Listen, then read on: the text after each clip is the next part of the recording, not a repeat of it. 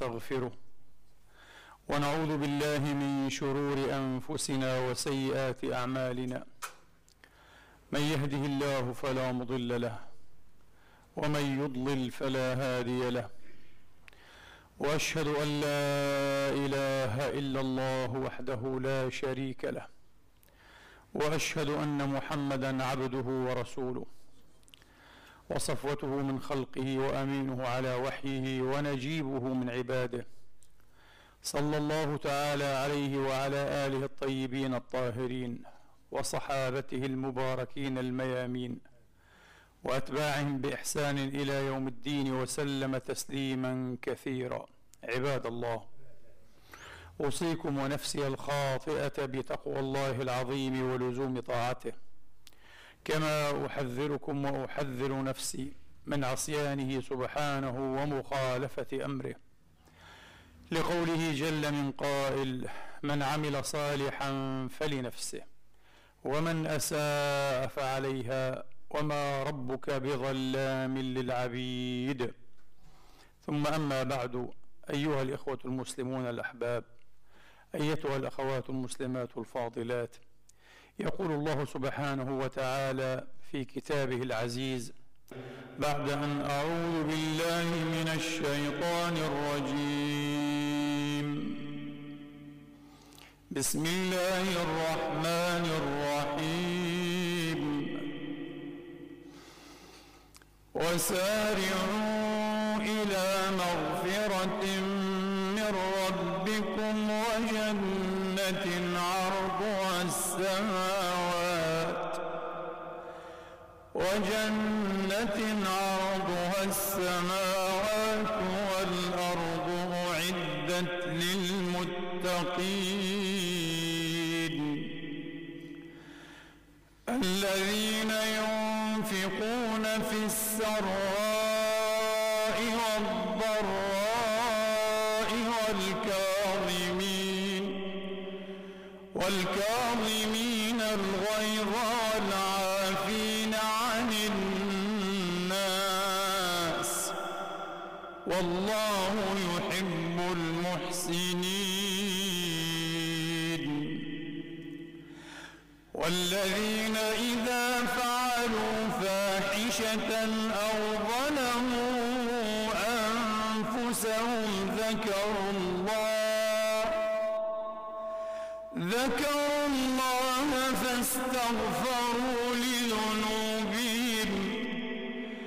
ومن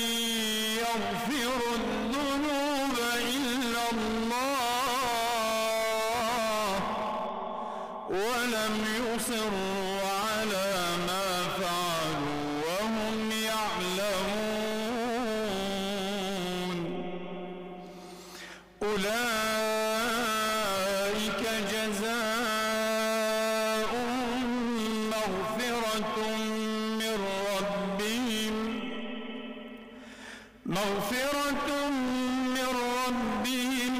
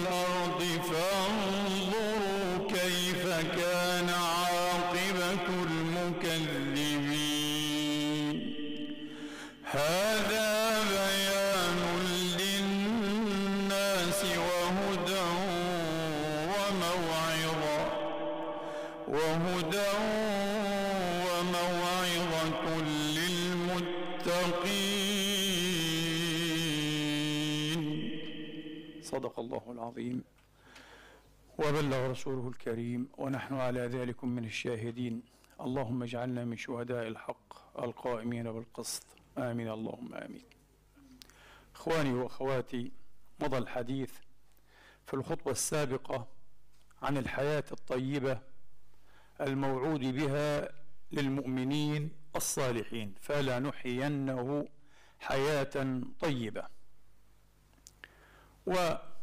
وكشف النقاب عن جانب من سر هذه الحياة الطيبة التي هي في الحقيقة غاية ومقصود كل إنسان إلا أن الاختلاف يقع في تحديد وتعيين الطرق والسبل المؤدية والمنتهية إليها.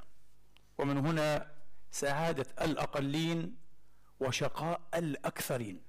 معظم الناس أشقياء يقضون حياتهم في شقاوة مستمرة متراكمة متراكبة والعياذ بالله. والأقل هم السعداء الذين أفلحوا في تحديد وتعيين سبل السعادة على النحو الصحيح المطلوب. والقرآن الكريم من أعظم ثماره بل من أعظم عطاياه وهباته ومنحه لمن آمن به واسترشد به واستلهمه واستشاره وعاد إليه هي هذه المسألة أنه يدلنا على هذه الطرق وبشكل واضح بين لائح. من بين هذه السبل والطرق إخواني وأخواتي ما ذكر في هذه الآيات الجليلات من سورة آل عمران. وسارعوا إلى مغفرة من ربكم وجنة عرضها السماوات والأرض أعدت للمتقين الذين ينفقون في السراء والضراء. هذه خصلة وثانية والكاظمين الغيظ وثالثة والعافين عن الناس. ثم ذيل النص الكريم لهذه النعوت والخصال بقوله والله يحب المحسنين فكأنه قال هذا هو الإحسان هذا هو الإحسان.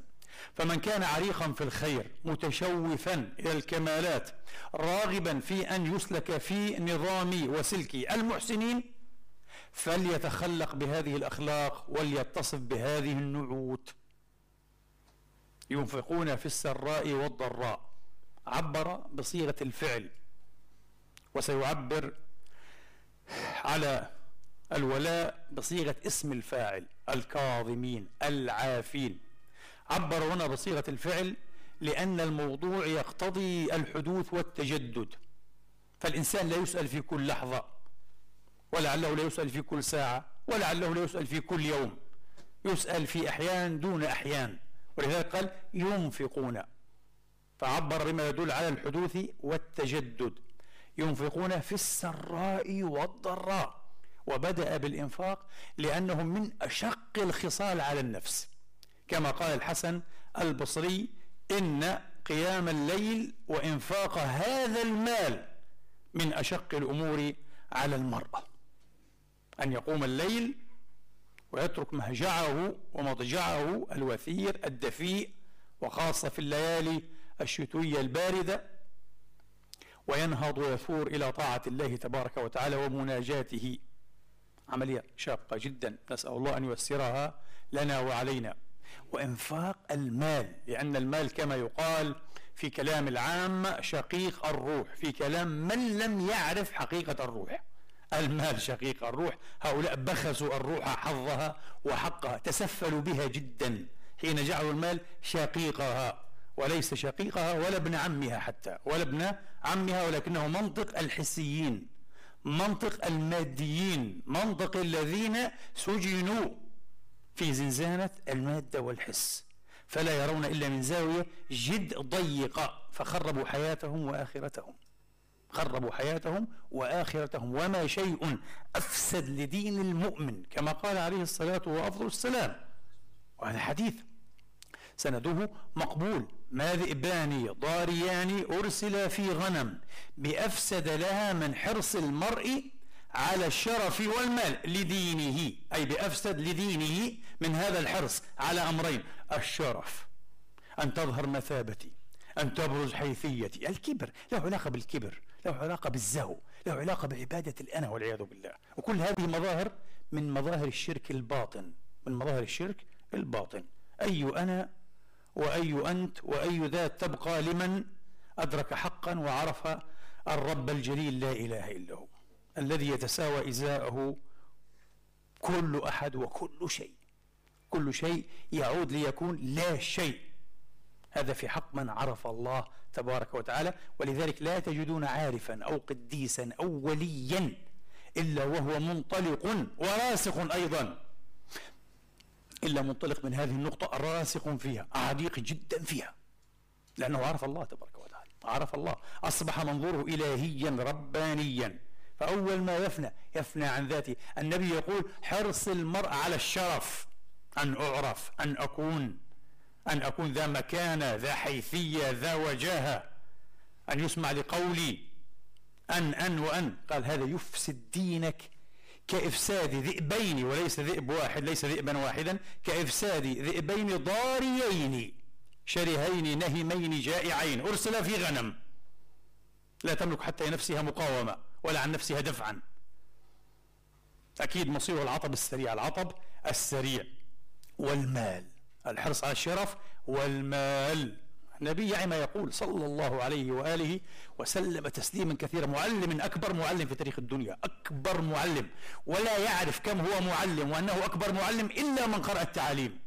اذهب واقرأ تعاليم موسى عليه السلام وتعاليم عيسى. وكونفوشيوس ولاو تسي وكل هذه التعاليم وتعاليم بوذا لتعرف بعد ذلك أن البشرية ما شهدت أعظم ولا أذكى ولا أبرع ولا أطهر من هذا المعلم صلى الله عليه وآله وسلم تسليما كثيرا. بالمقارنة تضح الأشياء. بالمقارنة وليس بالدعاوى والانتفاخ. وليس بالدعاوى والانتفاخ. بالدعاوى يعود محمد لا شيء. بالدعاوى بعض الناس. أه؟ يستسخفون يزدرون يحقرون لأنه صاحب دعوة جاهل. بالدعاوى أيضا يعود أعظم من في الوجود. وأيضا هذه الدعوة لا قيمة لها إن كانت خالية من التحقيق القائم على روح المقارنة. والمقارنة العلمية النزيهة.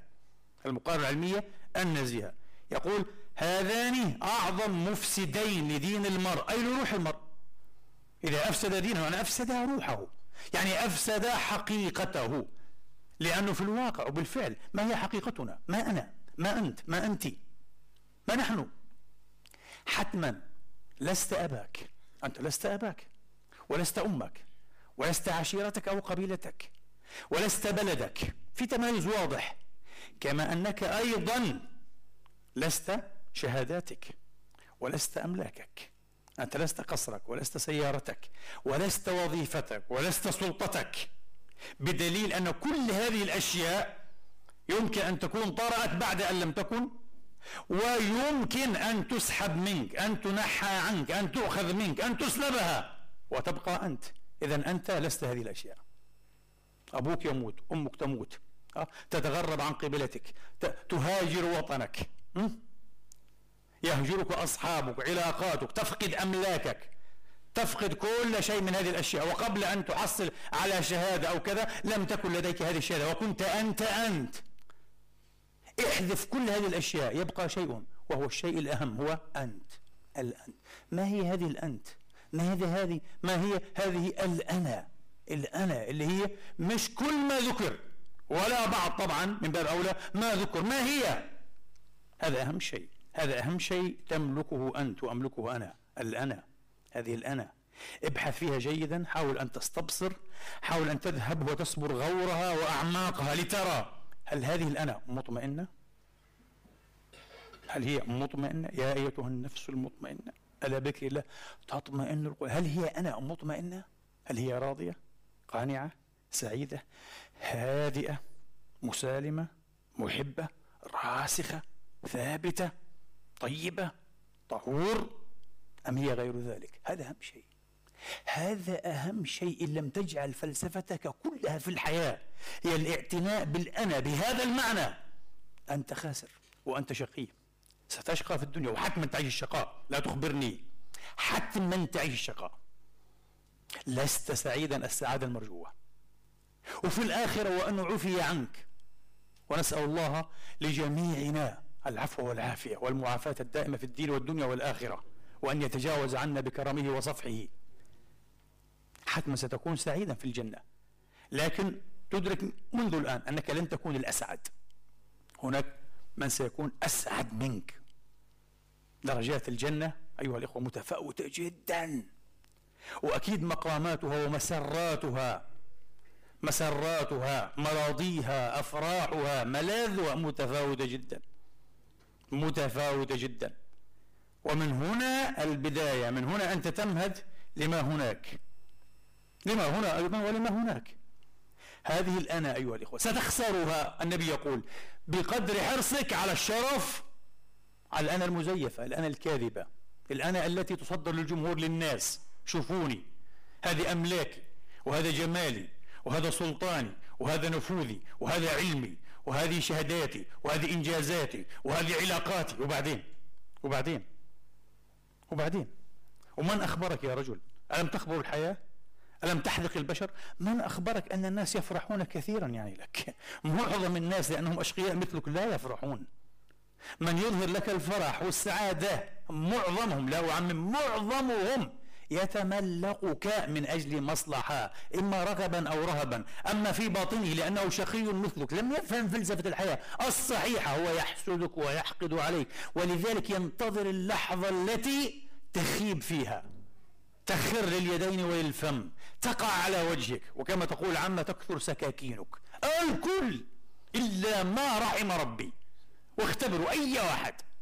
ابن عز ابن مكانة ابن سلطان. حين يقع من كل ألف كانوا يتملقونه ربما لا ينجو ربما ربما إلا واحدا فقط يرحمه ولا يشمت فيه. أما البقية ينزل عليه بالسكاكين وكنا نعلم أنه خبيث وكنا نعلم أنه حقير وسافل ووضيع وكنا وكنا وكنا وكنا ننتظر وكنا على يقين أنه سينتهي. أعوذ بالله أعوذ بالله. أنت تركت ذاتك وتركت الصلح مع الله. ومع ذاتك الحقيقية من أجل هؤلاء هذا هو المصير. شقي. أو بلغة الخطبة السابقة أحمق. ليس حكيما. مش فاهم. مش فاهم قانون الأشياء. مش فاهم كيف تسير الأشياء. مش فاهم المسكين. فيعيش الحماقة. ويدفع الثمن شقاء ونكدا وتنغيصا وتنغصا. انتبهوا. آه. لذلك هذه قضية حساسة جدا إخواني وأخواتي. إذا نعود من السبل الذين ينفقون في السراء والضراء. على فكرة هذه الآية يمكن أن تعنون بأنها آية قوة المؤمن. هذه الآية تكشف عن جانب من جوانب قوة المؤمن.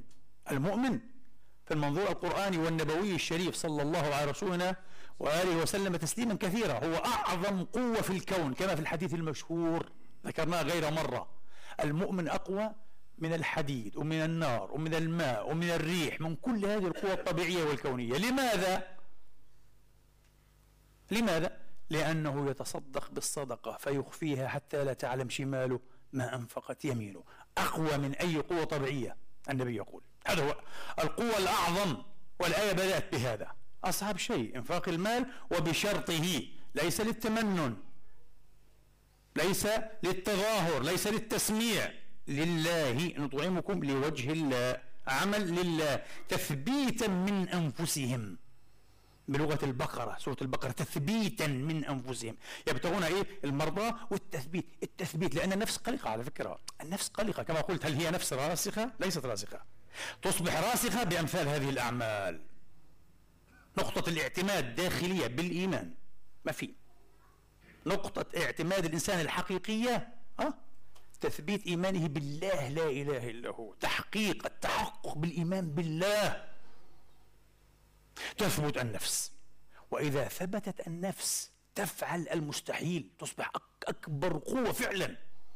قلنا مرة عن أبي الوجودية المؤمنة الدنماركي سورين كيركيجو قال لو أفلح في أن أصل إلى نقطة ارتكاز الباطنية لحركت الأرض. وحرك كوكب الأرض. الدين أعطانا هذه النقطة والقرآن قال تثبيتا من أنفسهم.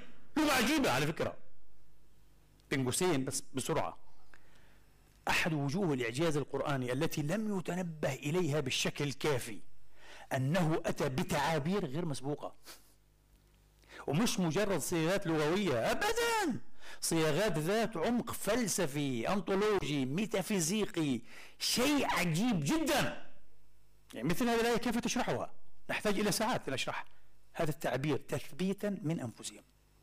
وتعبير غير مسبوق اللغة العربية. مستحيل. العربية لم تعرف هذا التعبير من قبل. تثبيتا من أنفسهم. حتى مش تثبيتا لأنفسهم. تثبيتا من شيء عجيب. لكن قضية ثانية هذه. هذه نقطة الارتكاز. أقوى قوة. قوة. وطبعا سر قوة المؤمن بكلمة. إدراكه لمقامه ومكانه. إزاء مقام الله لا إله إلا هو. أنت هذا هذا هذا سر قوة المؤمن. سر القدرة غير العادية غير المتناهية لديه وهو كان متناهي ضعيف وهش. الصبر الذي تزول الجبال ولا يزول على أشياء كثيرة. يصبر عليه المؤمن. يتجاوزها. من أين استمد هذا؟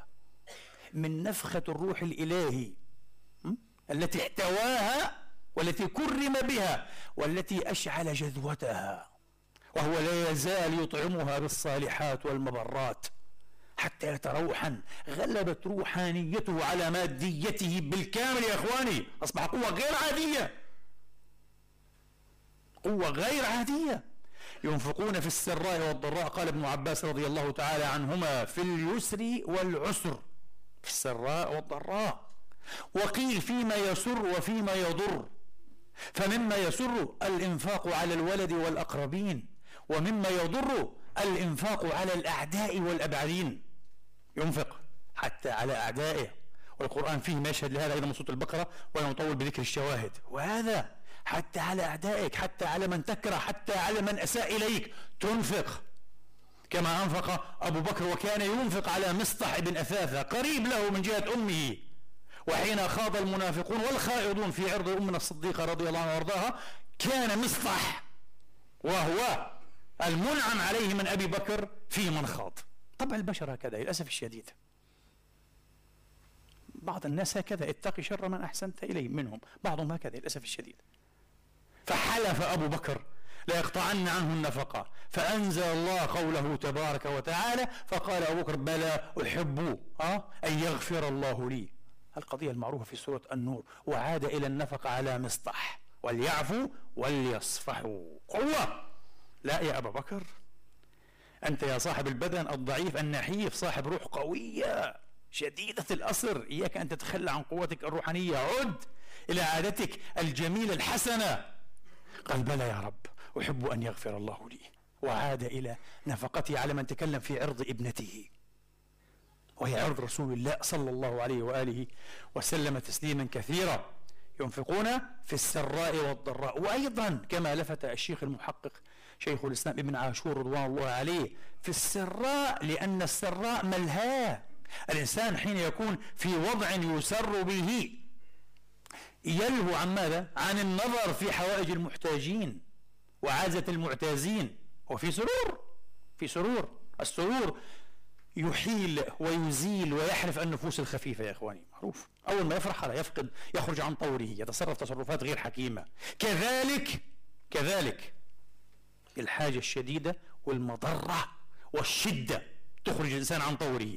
الله يقول هؤلاء الأقوياء ينفقون في كلتا حالتي السراء والضراء. الله أكبر.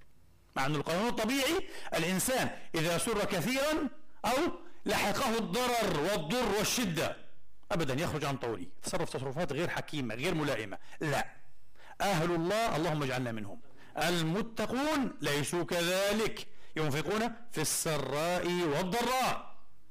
يترقى القرآن. قال لك والكاظمين. شوف التعبير العجيب. والكاظمين الغيظ. ما الكظم؟ ما هو الكظم؟ الكظم شد رأس القربة حين امتلائها. القربة حين تمتلئ بالماء وتفهق الآن تشد رأسها. تكظمها. ومنه الترمس هذا الذي توضع في الأشياء الساخنة أو الباردة. آه. ترجمة الفصيحة له الكظمية لأنه يكظم. يكظم الأشياء لا يخرج الحرارة. م. الكظمية الكظم شد رأس القربة إذا امتلأت عند امتلائها. ولذلك يقال فلان كظيم أي مملوء حزنا. قال عز من قائل في سورة يوسف عن يعقوب عليه الصلاة والسلام فهو كظيم. فهو كظيم أي ممتلئ حزنا حتى الثمالة حتى النهاية. كله حزن. هنا قوة المؤمن. المؤمن مش بس إيه؟ يتحكم في غيظه. لا يكظمه فرق كبير بين أنه يتحكم في غيظه وبين كظمه لغيظه. لأنه يتحكم في غيظه ربما قليل من الغيظ. لم يبلغ العتبة كما يقال يعني. الدرجة الحرجة. critical point لا لم يبلغ الدرجة الحرجة. إغاظة بسيطة. لكن حين يمتلئ غيظا. يعني بعضهم غاظك غيظا عظيما جدا حتى طفح يعني أو يكاد يطفح. بحيث لا يبقى في قوس صبرك منزع. انتهى خلاص. هنا تكظم غيظك.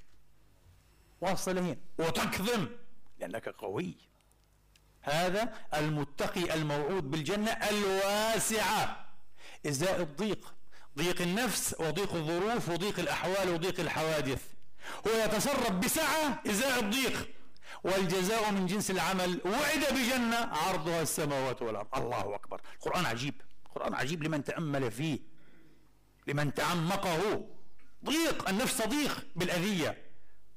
تضيق بما يوجب حنقها وغيظها. أليس كذلك؟ تضيق لا يتصرف هنا بساعة وكأنه غير مغتاظ كأنه غير محنق كأنه غير مغضب.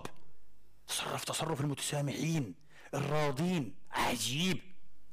قال والكاظمين الغيظ روى أبو جعفر ابن جرير في تفسيره عند تفسير هذه الآية. قال عليه الصلاة وأفضل السلام وآله من كظم غيظه وهو قادر على أن ينفذه. وفي رواية ولو شاء أنفذه ولو شاء أن ينفذه. أنفذه. ملأ الله قلبه أمنا وإيمانا. يعني أنت لم تحكم غضبك وغيظك في الناس فتأمن غضب الله تبارك وتعالى. أمنا. ستأمن. الله لن يغضب عليك لأن الله يغضب. وغضب الله عليه ولعنه. الغضب من صفات الله. الغيظ ليس من صفات الله. يبدو أن الغيظ يقتضي ماذا؟ يقتضي ظرفا ضيقا بطبعه وهو الظرف الإنساني. صدر الإنسان شو؟ هذا صدر الإنسان. 40 سم يعني 40 سم الإنسان ضيق مسكين ضعيف ومن ضعف خلق وخلق الإنسان ضعيفا تراه هانئا سعيدا رضيا ها؟ فتلقى إليه كلمة. يجبه في وجهه بكلمة. سبحان الله. تنقلب حاله مباشرة ويظهرون في وجهه. ضعيف الإنسان ضعيف. كلمة واحدة. فإما كظم وإما أنفذ عاد. بعض الناس يكذب وبعضهم ينطلق كالحيوان المفترس ينتقم من خصمه بالكلام وبالأفعال كالحيوان. وهذا الفرق. الدين يا إخواني قوانين الروح جاءت لكي تعلو بنا إلى مصاف الملائكة إلى مصاف الملأ الأعلى. جاءت لتخرجنا عن طور الغريزة والحيوانية. الفلاسفة الإسلاميون والأغارقة يرون أن أقوى القوى تحكما وتأثيرا في الإنسان القوة الغاضبة أو تسمى الغضبية. القوة الغاضبة أو الغضبية. أقوى قوة. أقوى من القوة إيه؟ الشهوية. أقوى من أي شيء؟ في القوة إيه؟ الحيوانية التي إيه؟ في الإنسان. والإنسان إذا استملكه الغضب ربما قتل. وربما قتل أقرب الناس إليه. وكم سمعنا إيه عن آباء قتلوا أبنائهم شيء عجيب في حالة غضب. آه شيء. ثم يندمون ندامة الكسعي وأبعد من ندامة الكسعي هو هذا. ولذلك الغضب أيها الإخوة والغيظ قيل يفترقان وقيل متلازمان إلا أن الغيظ لا يوصف به الله والغضب يوصف به الله. ولعل الذي ذكرته لعله يكون صحيحا. أن الغيظ بطبعه بحسب موارد استعماله يقتضي ماذا؟ يقتضي أفقا وهناء وفسحة ضيق اللي هي إيه؟ صدر الإنسان. هذا لا يليق بالله. أما الغضب لا لا يقتضي بغض النظر. إله ويغضب لا إله إلا هو. وغضبه ليس طبعا كغضب إيه؟ البشر هذا معروف. إذا والكاظمين الغيظ. وفي مرسل الحسن البصري رضي الله تعالى عنه وأرضاه يقال يوم القيامة ليقم من أجره على الله. قال فلا يقوم إلا رجل عفا. الله أكبر. والكاظمين الغيظ والعافين عن الناس. كما سمعتم أحبتي إخواني وأخواتي عدل المولى جل وعز عن صيغة الفعل ينفقون إلى الصيغة صيغة اسم الفاعل الكاظمين العافين للدلالة على أن هاتين الخصلتين هاتين الصفتين خلق وسجية ثابتة لهم. الله أكبر. هم دربوا وجاهدوا وناضلوا أنفسهم لكي يتثبتوا في هذا الباب. فتثبتوا تحققوا. صار عندهم الحلم والصفح والتجاوز والإغضاء والإعراض سجية. كاظمون لغيوظهم عافون عمن استحق منهم العقوبة لذنبه. يصفحون ويتجاوزون. خلق وسجية. الله قال هذا هو الإحسان. هؤلاء المحسنون. والعافون عن الناس. طبعا في تراثها الإسلامي ما لا يحصى من وقائع كظم الغيظ والعفو عن الناس وخاصة لدى الصالحين.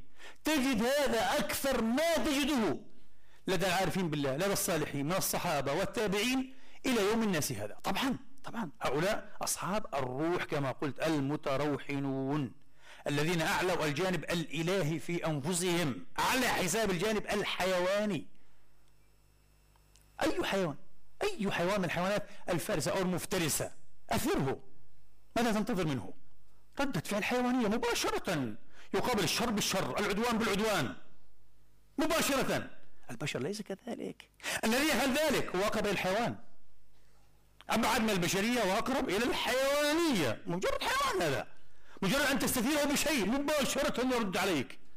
حتى بالكلام. شو؟ هذا سلوك حيواني. المؤمن ليس كذلك. وبسموها مرجلة وبسموها إيه قبضة. هذا حر. هو حرار هذه مصطلحات حيوانية أيضا. تنتمي إلى عالم الغاب وليس إلى عالم الدين إلى عالم الروح. عالم الروح مختلف تماما. البطولة في عالم الروح شيء مختلف. مش بطولة العضل والجسد أبدا. بطولة حقيقية لا تكسر ولا تنثني ولا تلتوي ولا تتخون صاحبها. بخلاف بطولة العضل. كذابة وضعيفة ومرائية ومغرورة. بطولة عضل على الأضعاف وعلى الأقوى يعود شكوكه مباشرة. فرعون يعود شكوكه. لا شيء. إيه طبعا. آه. وما من قوي إلا وهناك من هو أقوى. فأمام الأقوى وقد يكون هذا الأقوى جهازا دولتيا. جهاز في الدولة. خبرات شرطة أمن مباحث. بخذوه يذيقونه الويلات.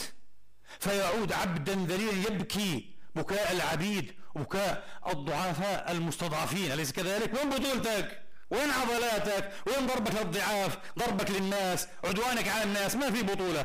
بخلاف البطل الروحاني يبقى بطلا تحت كل الظروف حتى تحت ضربات القدر. يموت وديده يخسر أمواله يخسر صحته يخ... يبقى يقول الحمد لله رب العالمين. عجيب. قوة مذهلة. أقوى قوة في الكون. هذه الكو هذه البطولة من يبحث عن البطولة هذه البطولة الحقيقية وهذه لا تختلف ولا تتلون. تبقى دائما عاملة فاعلة موجودة. تستعلم بنفسها. لا إله إلا وجزاؤها عند الله. جزاؤها على الله وعند الله في الدنيا والآخرة. يروى أن أبا الدرداء صاحب الجليل رضي الله تعالى عنهم وأرضاهم أجمعين سبه أحد السفهاء. الناس دائما فيها سفهاء. انت تستغرب إن الناس يسب يسبوا الرسول. في سفهاء سبوا الرسول وهم يستعلمون بأنه رسولهم. اعدل يا محمد ما هذه قسمة أريد بها وجه الله. شو سفيه؟ سفيه. يغمز قناة عدل الرسول. انه الرسول متحيز غير عادل. طيب سفهاء سفهاء. والنبي لقي الكثير من قومه ومن منافقي أصحابه ومن جهلة أصحابه وعربانهم وكان يقول يرحم الله أخي موسى. ها؟ لقد لقي من قومه أكثر من هذا فصبر. ولازم أنا أصبر.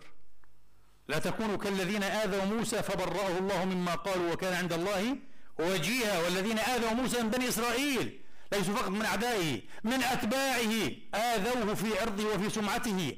آه والحديث في البخاري. قصص. على كل حال فسبه سبا ذريعا. أبو الدرداء كاظم الغيظ. هادي راسخ.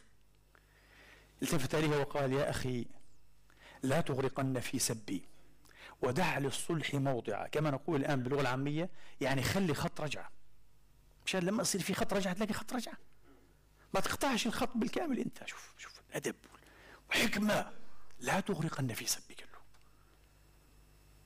ودع للصلح موضعا فإن لا نكافئ من عصى الله فينا بأكثر من أن نطيع الله فيه. الله أكبر. شو الأخلاق هذه؟ ليش بقول لكم هذا تلميذ محمد؟ هذا أحد خريجي مدرسة النبوة. كيف كان الرسول نفسه؟ إيه حدث ولا حرج. النبي كان حليما وهذه صفته في الكتاب الأول. ها؟ كان حليما وكان لا تزيده شدة الجهل عليه إلا حلما. الله أكبر. مثل إيه البخور؟ مثل العود. كلما نفخت فيه وفي النار أه؟ زاد اشتعالا وطيبا وشميما. شيء عجيب. هكذا النبي. معدن غير صلى الله عليه وآله وسلم تسليما كثيرا إلى أبد الآبدين.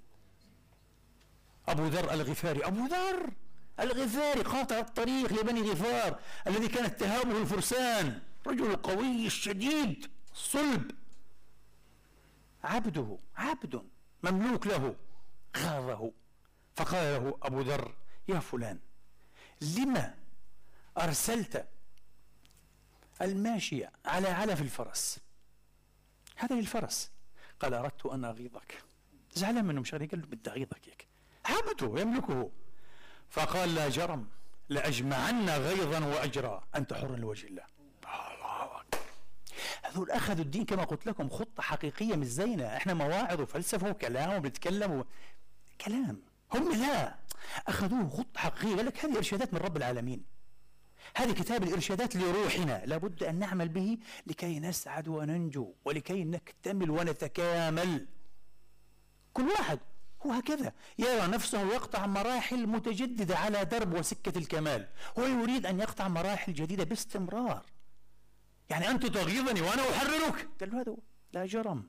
لأجمعن غيظا وأجرا. اذهب فأنت حر لوجه الله تعالى. الله أكبر.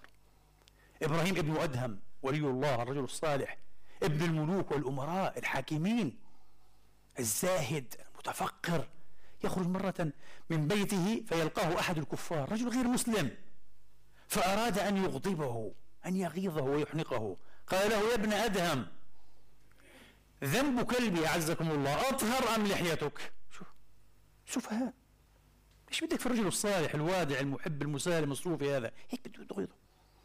على غير دينه أراد أن يتنقصه. قال له مين أطهر؟ ذنبه ذنبه عفوا. كلبي ولا لحيتك؟ ذنب كلبي أطهر أم لحيتك؟ فالتفت إليه ابن أدهم وقال يا أخي إن دخلت الجنة كنت أطهر من ذنب كلبك وإن دخلت النار كان ذنب كلبك أطهر مني. فالرجل صدم بهذا الجواب. قال والله هذه أخلاق النبيين.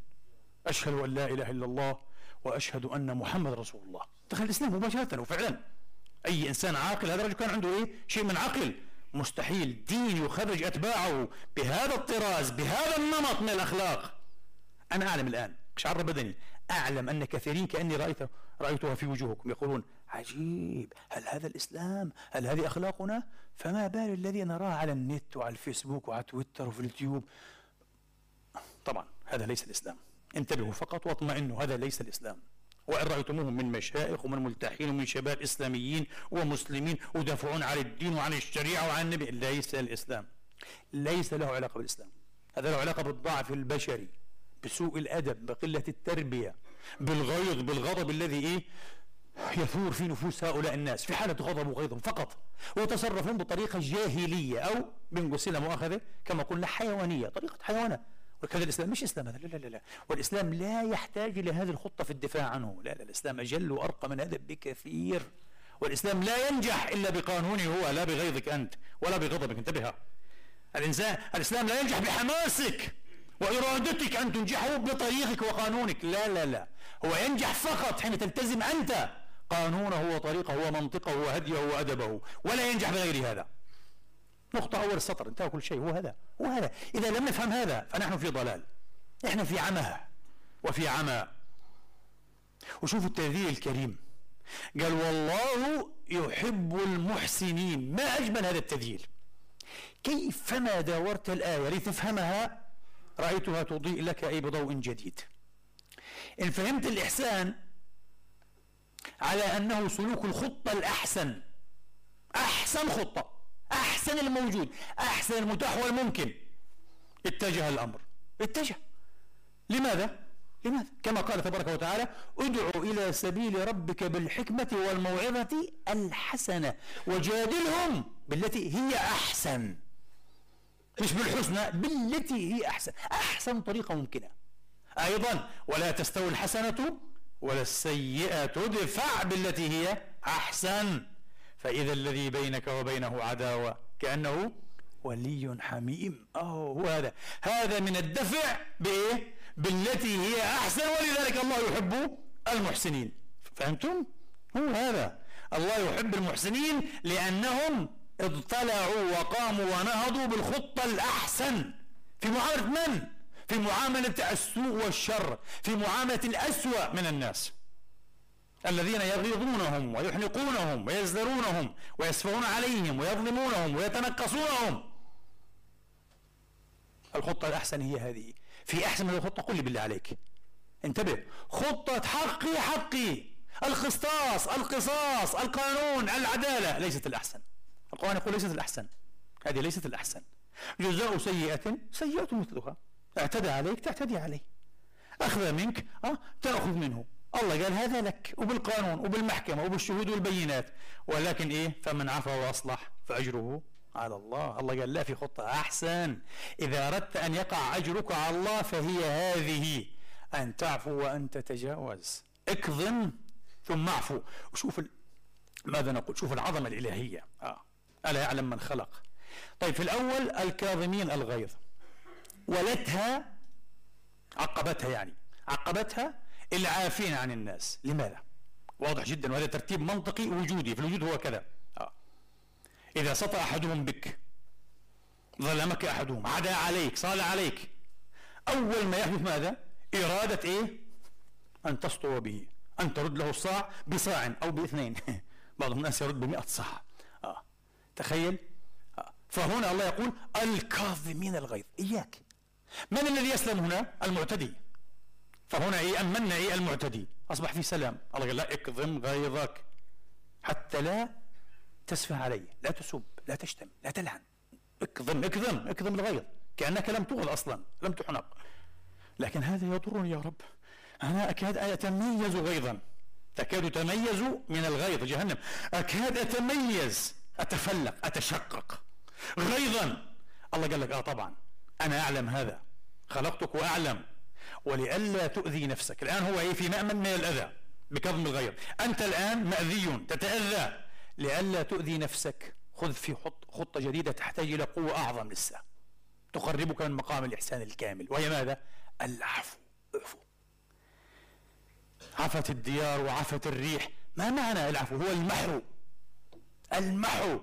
يعني تعامل مع الأمر وكأنه لم يكن. انسى. انسى خلاص. ما تتذكر. لن تعفو؟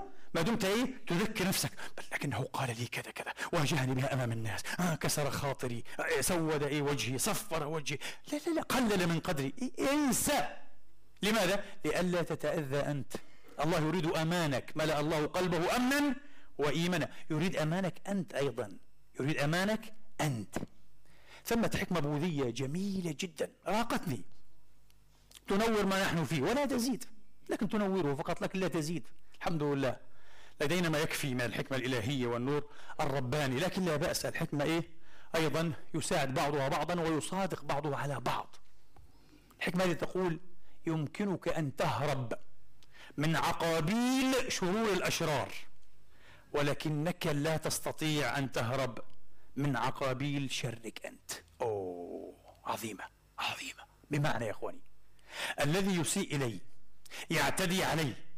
أنا يمكن أن أتخلص وأن أهرب من كل عقابيل أفعاله وإن لحقتني ومستني. بماذا؟ بالعفو بالمغفرة بالنسيان. خلاص. سامحك الله عفى الله عنك. انتهى كل شيء. انتهى كل شيء. وربما يعود أحد أوليائك. سب أحدهم الإمام عليا. علي ابن الحسين. ابن علي أبي طالب زي العابدين المعروف بزي العابدين عليه السلام. ورضوان الله عليه. سبه أيضا سبا مخدعا وبهته في وجهه.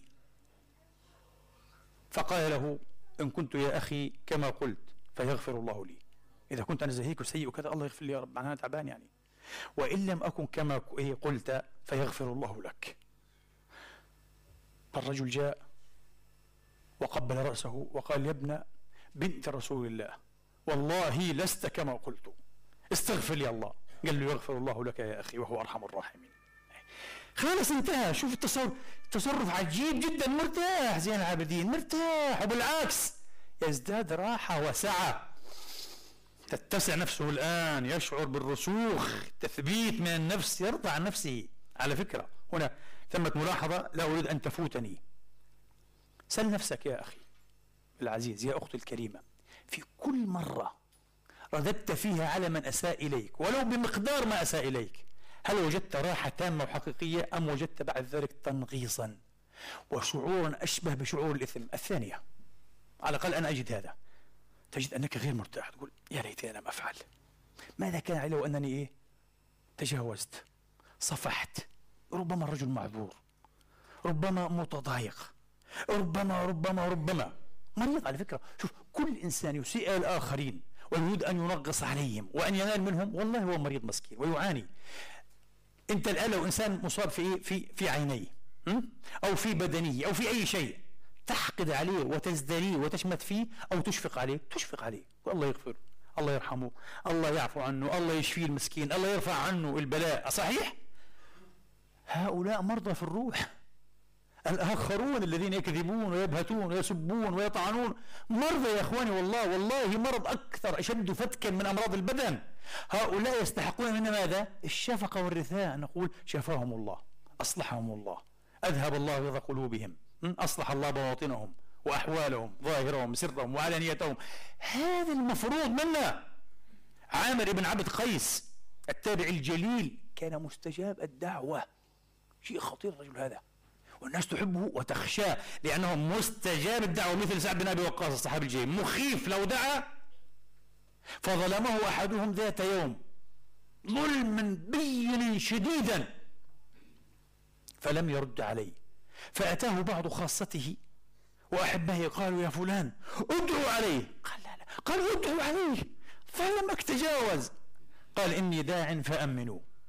فرفعوا أيديهم. قال اللهم من ظلمني؟ وجار علي فاغفر له واعف عنه وزد رزقه في الدنيا وأعلي مقامه في الآخرة. قالوا شو إيش الرجل هذا؟ ما علشان هيك هو مستجاب الدعوة مثل هذا أه؟ الله تبارك وتعالى يأمنه على أن يعطيه سر استجابة الدعوة. شوفوا لو أمثالنا ما شاء الله عندهم سر استجابة الدعوة لأهلكنا العالم. لأهلكنا العالم لدعونا على حضارات وعلى أمم وعلى دول وعلى شعوب وعلى قبائل. ما خليناش. كان انتهت الدنيا. حاشا لله لكن هو الحكيم. الله أعلم حيث يجعل رسالته. بيعرف عز وجل وين يضع سره. مثل هذا عامر عبد القيس يستحق أن يكون مستجاب الدعوة. الذي يدعو بما سمعتم لمن وليس على لمن ظلمه جدير وقمين. جدير وقمين بأن يكون مجاب الدعوة. اللهم اجعلنا منهم. بعد أن ترقينا إلى إيه؟ ما رقيتهم إليه من مراقي ومقامات. هذه قضية يا إخواني مش قضية غيظ وغضب وبدي أنفس عن غيظي وغضبي وأعمل. مش هيك الدنيا مش هيك الدين. لا لا لا غلط. في شيء غير مفهوم للأسف. إحنا في أشياء مش فاهمينها للأسف حقيقة. ولم نتربى عليها. أقول قولي هذا وأستغفر الله لي ولكم فاستغفروه.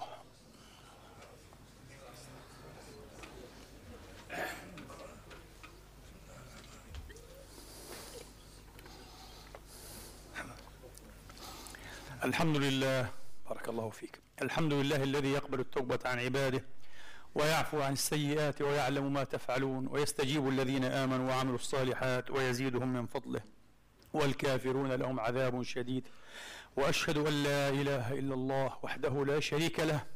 وأشهد أن محمدا عبده ورسوله صلى الله تعالى عليه وعلى آله وأصحابه وسلم تسليما كثيرا. أما بعد. أخرج الإمام الطبراني والإمام أبو عبد الله الحاكم عن أبي بن كعب رضي الله تعالى عنهم وأرضاهم أجمعين قال قال رسول الله صلى الله عليه وآله وسلم تسليما كثيرا من أحب أن تشرف أو يشرف له البنيان؟ يعني يرفع له يرفع له البنيان في الجنة. أن يشرف له البنيان وترفع له الدرجات فليصل من قطع. وليعفو عمن ظلمه. هو في الحقيقة بدأ بهذه. قال فليعفو عمن ظلمه وليعطي من حرمه وليصل من قطعه. الذي يفعل هذا يشرف له في البنيان في قصوره على لي في الجنة وترفع له الدرجات يعني المقامات عاد. المقامات العالية السامقة اللهم اجعلنا من ذويها وأهلها وأحق بها. بفضلك ومنك يا رب العالمين. إذا هذه الحكمة الهندية العظيمة تعلم أنك يمكن أن تنجو من عقابيل شرور من أراد الشر بك وإن أوقعه بك. فقط إيه؟ أن تعفو وأن تغفر وأن تنسى. خلاص انتهى. الآن من الذي يتسمم بهذه الشرور؟ صاحبها الذي فعلها إن لم يتب منها. ولكنك لا تستطيع أن تفعل مع نفسك. أي لا تستطيع أن تهرب من إيه؟ من شرور نفسك. إذا نفسك والعياذ بالله فيها غيظ فيها غضب فيها حقد فيها غش فيها كره فيها إرادة الانتقام إرادة الشماتة إرادة التعيير إلى آخره إلى كيف يمكن أن تهرب من هذا؟ هذه نفسك. هذه نفسك ملوثة. أنت تعيش الآن في ظرف والعياذ بالله ملوث تماما. لا يمكن أن ينتظر منه إلا إيه؟ إلا التعب والتنغيص الدائم. وعدم الرضا عدم السعادة عدم الهناء في العيش. لذلك استثمر في نفسك. لا تعبأ كثيرا بشرور الأشرار. هذه يمكن التخلص منها بسهولة. أصعب ما يمكن أن تتخلص منه شرور ذاتك شرور نفسك. وعلى فكرة هذه النفس كما قلنا في بداية الخطبة في صدر الخطبة حين تنقطع عن الدنيا وتنقطع الدنيا عنك تفارق الأهل والبلدان والأحباب والنساء والولدان والأملاك والعلاقات كل شيء وتصير إلى وحدة في برزخك. وحتى يوم القيامة لن تكون إلا مع ذاتك مع نفسك. نفسك التي استثمرت فيها في الدنيا. كيف كانت هذه النفس؟ إلى ماذا انتهت؟ هذه ستلازمك أبدا. هي ذاتك نفسك هي أنت. هي حقيقتك هي جوهرك هي ماهيتك. استثمر فيها وإياك. نقطة أخيرة يا إخواني. إذا أردنا أيضا أن نقف على سر كيف لا نستجيب الاستجابة الحيوانية الغرزية لشرور الآخرين؟ كيف يمكن ألا يستخفنا الذين إيه؟ لا يوقنون؟ ألا يستخفنا السفهاء العادون؟ قال لك السر ألا ترى نفسك أفضل من غيرك. التواضع السر في التواضع. معناها المتكبر المزهو الذي يرى لنفسه مزية على غيره من الناس هذا الذي يغضب. إذا ظلم إذا انتقد مجرد انتقد. أنتم شوفوا المتكبرين على فكرة؟ والكبر لا يليق إلا إيه؟ بالجبار المتكبر لا إله إلا هو لأنه فعلا هو إيه؟ المتكبر لا إله إلا هو. باستحقاق. البشر لا يليق بهم أصلا مهما بلغ البشر. من درجة. سواء في ماله في علمه في نفوذه في سلطانه لا يليق به الكبر لأسباب معروفة. بدليل أن أكبر المتكبرين من البشر إذا فتشته وجدته حساسا جدا للنقد. حساسا جدا لمن ينال منه. يغضب غضبا شديدا. اذا أنت ضعيف. ضعيف ما؟ واضح إنك ضعيف. أنت ملك أو أنت إيه رئيس أو أنت شغل كبير عساس وراك أقوام وراك الناس وراك إيه هيل وهيلمان واحد انتقدك. تكلم فيك طعن فيك في لياقتك في عرضك في شخصك في كل شيء. لماذا تهتز أنت؟ لماذا اهتززت؟ هذا الاهتزاز. وغضبت هذا الغضب. وناديت بالويل والثبور وعظائم الأمور وسطوت ربما إيه؟ بهذا المسكين. معنى لأنك ضعيف. هش. واضح أنك هش جدا. واضح أن الكبر في المتكبرين بالون. بالون. بالون. منفوخ يا إخواني. يظهرهم بصورة غير حقيقتهم. إطلاقا. والبالون حساس جدا إيه؟ لوخز الإبر. أي وخزة من إبرة ينفذ البالون. ولذلك المتكبرون حساسون جدا للنقد. والكلام فيهم لا يحتملونه. ولا يحبون إلا إيه؟ المصفقين المسبحين المقدسين حارقي البخاخير لأنهم ضعفاء. المؤمن ليس متكبرا ولا يدخل الجنة من في قلبه مثقال حبة من خردل من كبر النبي يقول. الكبر خطير جدا جدا لأسباب كثيرة. هذا أحد ولسه. هذا أحد الأسباب. لأن المتكبر الذي يرى لنفسه مزية على غيره أفضلية على غيره كما قلت لكم يستجيب بطريقة حيوانية للشرور في الأغلب. لا يستجيب بطريقة روحانية. فقط الذي يرى نفسه كالآخرين. وكيف أنا؟ وعلى فكرة حدول كيف؟ كيف أرى نفسي كالآخرين؟ وأنا عندي شهادات وهم ما عندهم مش. وأنا عندي سلطة وهم ما عندهم مش وأنا عندي أموال وهم ما عندهم مش وأنا عندي علاقاتي مع رؤوس الدولة وهم ما عندهم مش صعاليك أميون جهلة فقراء. صح. مزبوط مزبوط مزبوط في عالم المادة وبمنطق الحس والمادة التفاوتات موجودة. وأكيد الفرق مهول وفظيع بين من يملك مليما وبين من يملك مئة مليار دولار. فرق مخيف. صح؟ بس انتبهوا. ولكن في منظور من ينظر من العلو من منظور إلهي من منظور من يجعل الخلق كلهم إزاء إيش؟ الخالق. هذا الخالق وهؤلاء المخلوقون. في تفاوتات من المنظور أبدا أبدا أبدا. تزول كل التفاوتات. العارف بالله القديس الولي الصالح منظوره إلهي. لذلك لا يفلح وهو أعجز من أن يرى نفسه المسكين. ما بشوفش. يمكن بشوف كل الناس لسه أحسن منه يسيء الظن بنفسه لكن عمره ما يشوف حاله أحسن من أي واحد. ولو كان هو يقطع الليل والنهار عابدا ذاكرا والآخر في الخمارة لا يمكن لا يستطيع. شيء غريب. هذا هو السر هذا تفسيرها. لأنه أيها أيها الإخوة إزاء المال لا نهاية يتساوى الواحد المليم والمئة مليار صح؟ نفس الشيء. واحد على ما ينهي صفر. مئة مليار على ما ينهي صفر. فالكل إزاء الله واحد لا شيء. وهذا منظور العارفين بالله عرفنا الله به ودلنا عليه. عند الله الأمر مختلف. عند الله الناس منازل ورتب عند الله انتبهوا. لأنه هو صاحب القسط والميزان لا إله إلا هو. هو غير محكوم بلا نهائيته يعني. انتبه. في إطلاق الأحكام على عباده. لذلك هو الحكم العدل لا إله إلا هو. هو الحكم العدل وحده صاحب العدالة المطلقة. أما نحن فينبغي أن يكون منظورنا هو هذا. لو تحققنا بهذا التواضع والنبي قال النبي هو سيد المتواضعين وسيد من حلم عن التواضع. في صحيح مسلم في سنن الترمذي وعند الترمذي ثلاث أقسم بالله عليهن. وعند مسلم ما نقص مال من صدقة. وفي رواية ما نقص صدقة من مال. ما نقص مال من صدقة ولا زاد الله عبدا بعفو إلا عزا. تعفو عن من ظلمك تزدد عزا عند الله تبارك وتعالى. لا تزدد ذلا تزدد عزا وقوة. ومن تواضع لله رفعه الله. وعجيب أن النبي قرن بين التواضع. وقلت لكم قلت لكم مع... والله العظيم أعظم معلم. والله لن تعرفوا أنه أعظم معلم إلا حين تقرأ التعاليم تعاليم الدنيا. هنا وهنا تبدأ تفهم أنت. يعني هذا الذي قلته الآن لم أتعلمه من إسلاميين تعلمته من غير مسلمين النقطة الأخيرة هذه. إن كيف أتعامل أيها الأخوة مع شرور الآخرين ولا تستفزني؟ قال لك الشرط التواضع ألا ترى نفسك أفضل من أي أحد. إن رأيت نفسك تتعامل بطريقة حيوانية انتقامية. النبي ألمع إلى هذا. شيء غريب. قال لك أنت إيه العفو والتواضع. فيبدو أنه لا يستطيع أن يعفو ويتعامل بهذه الطريقة المتروحنة مع أخطاء الآخرين. وشرورهم إلا من؟ إلا عبد متواضع لا يرى نفسه عبد لا, لا يرى إلا إيه؟ عظمة الله وأمام عظمة الله يتساوى الكل اللهم اهدنا فيمن هديت وعافنا فيمن عافيت وتولنا فيمن توليت. علمنا ما ينفعنا وانفعنا بما علمتنا وزدنا علما وفقها ورشدا. برحمتك يا أرحم الراحمين.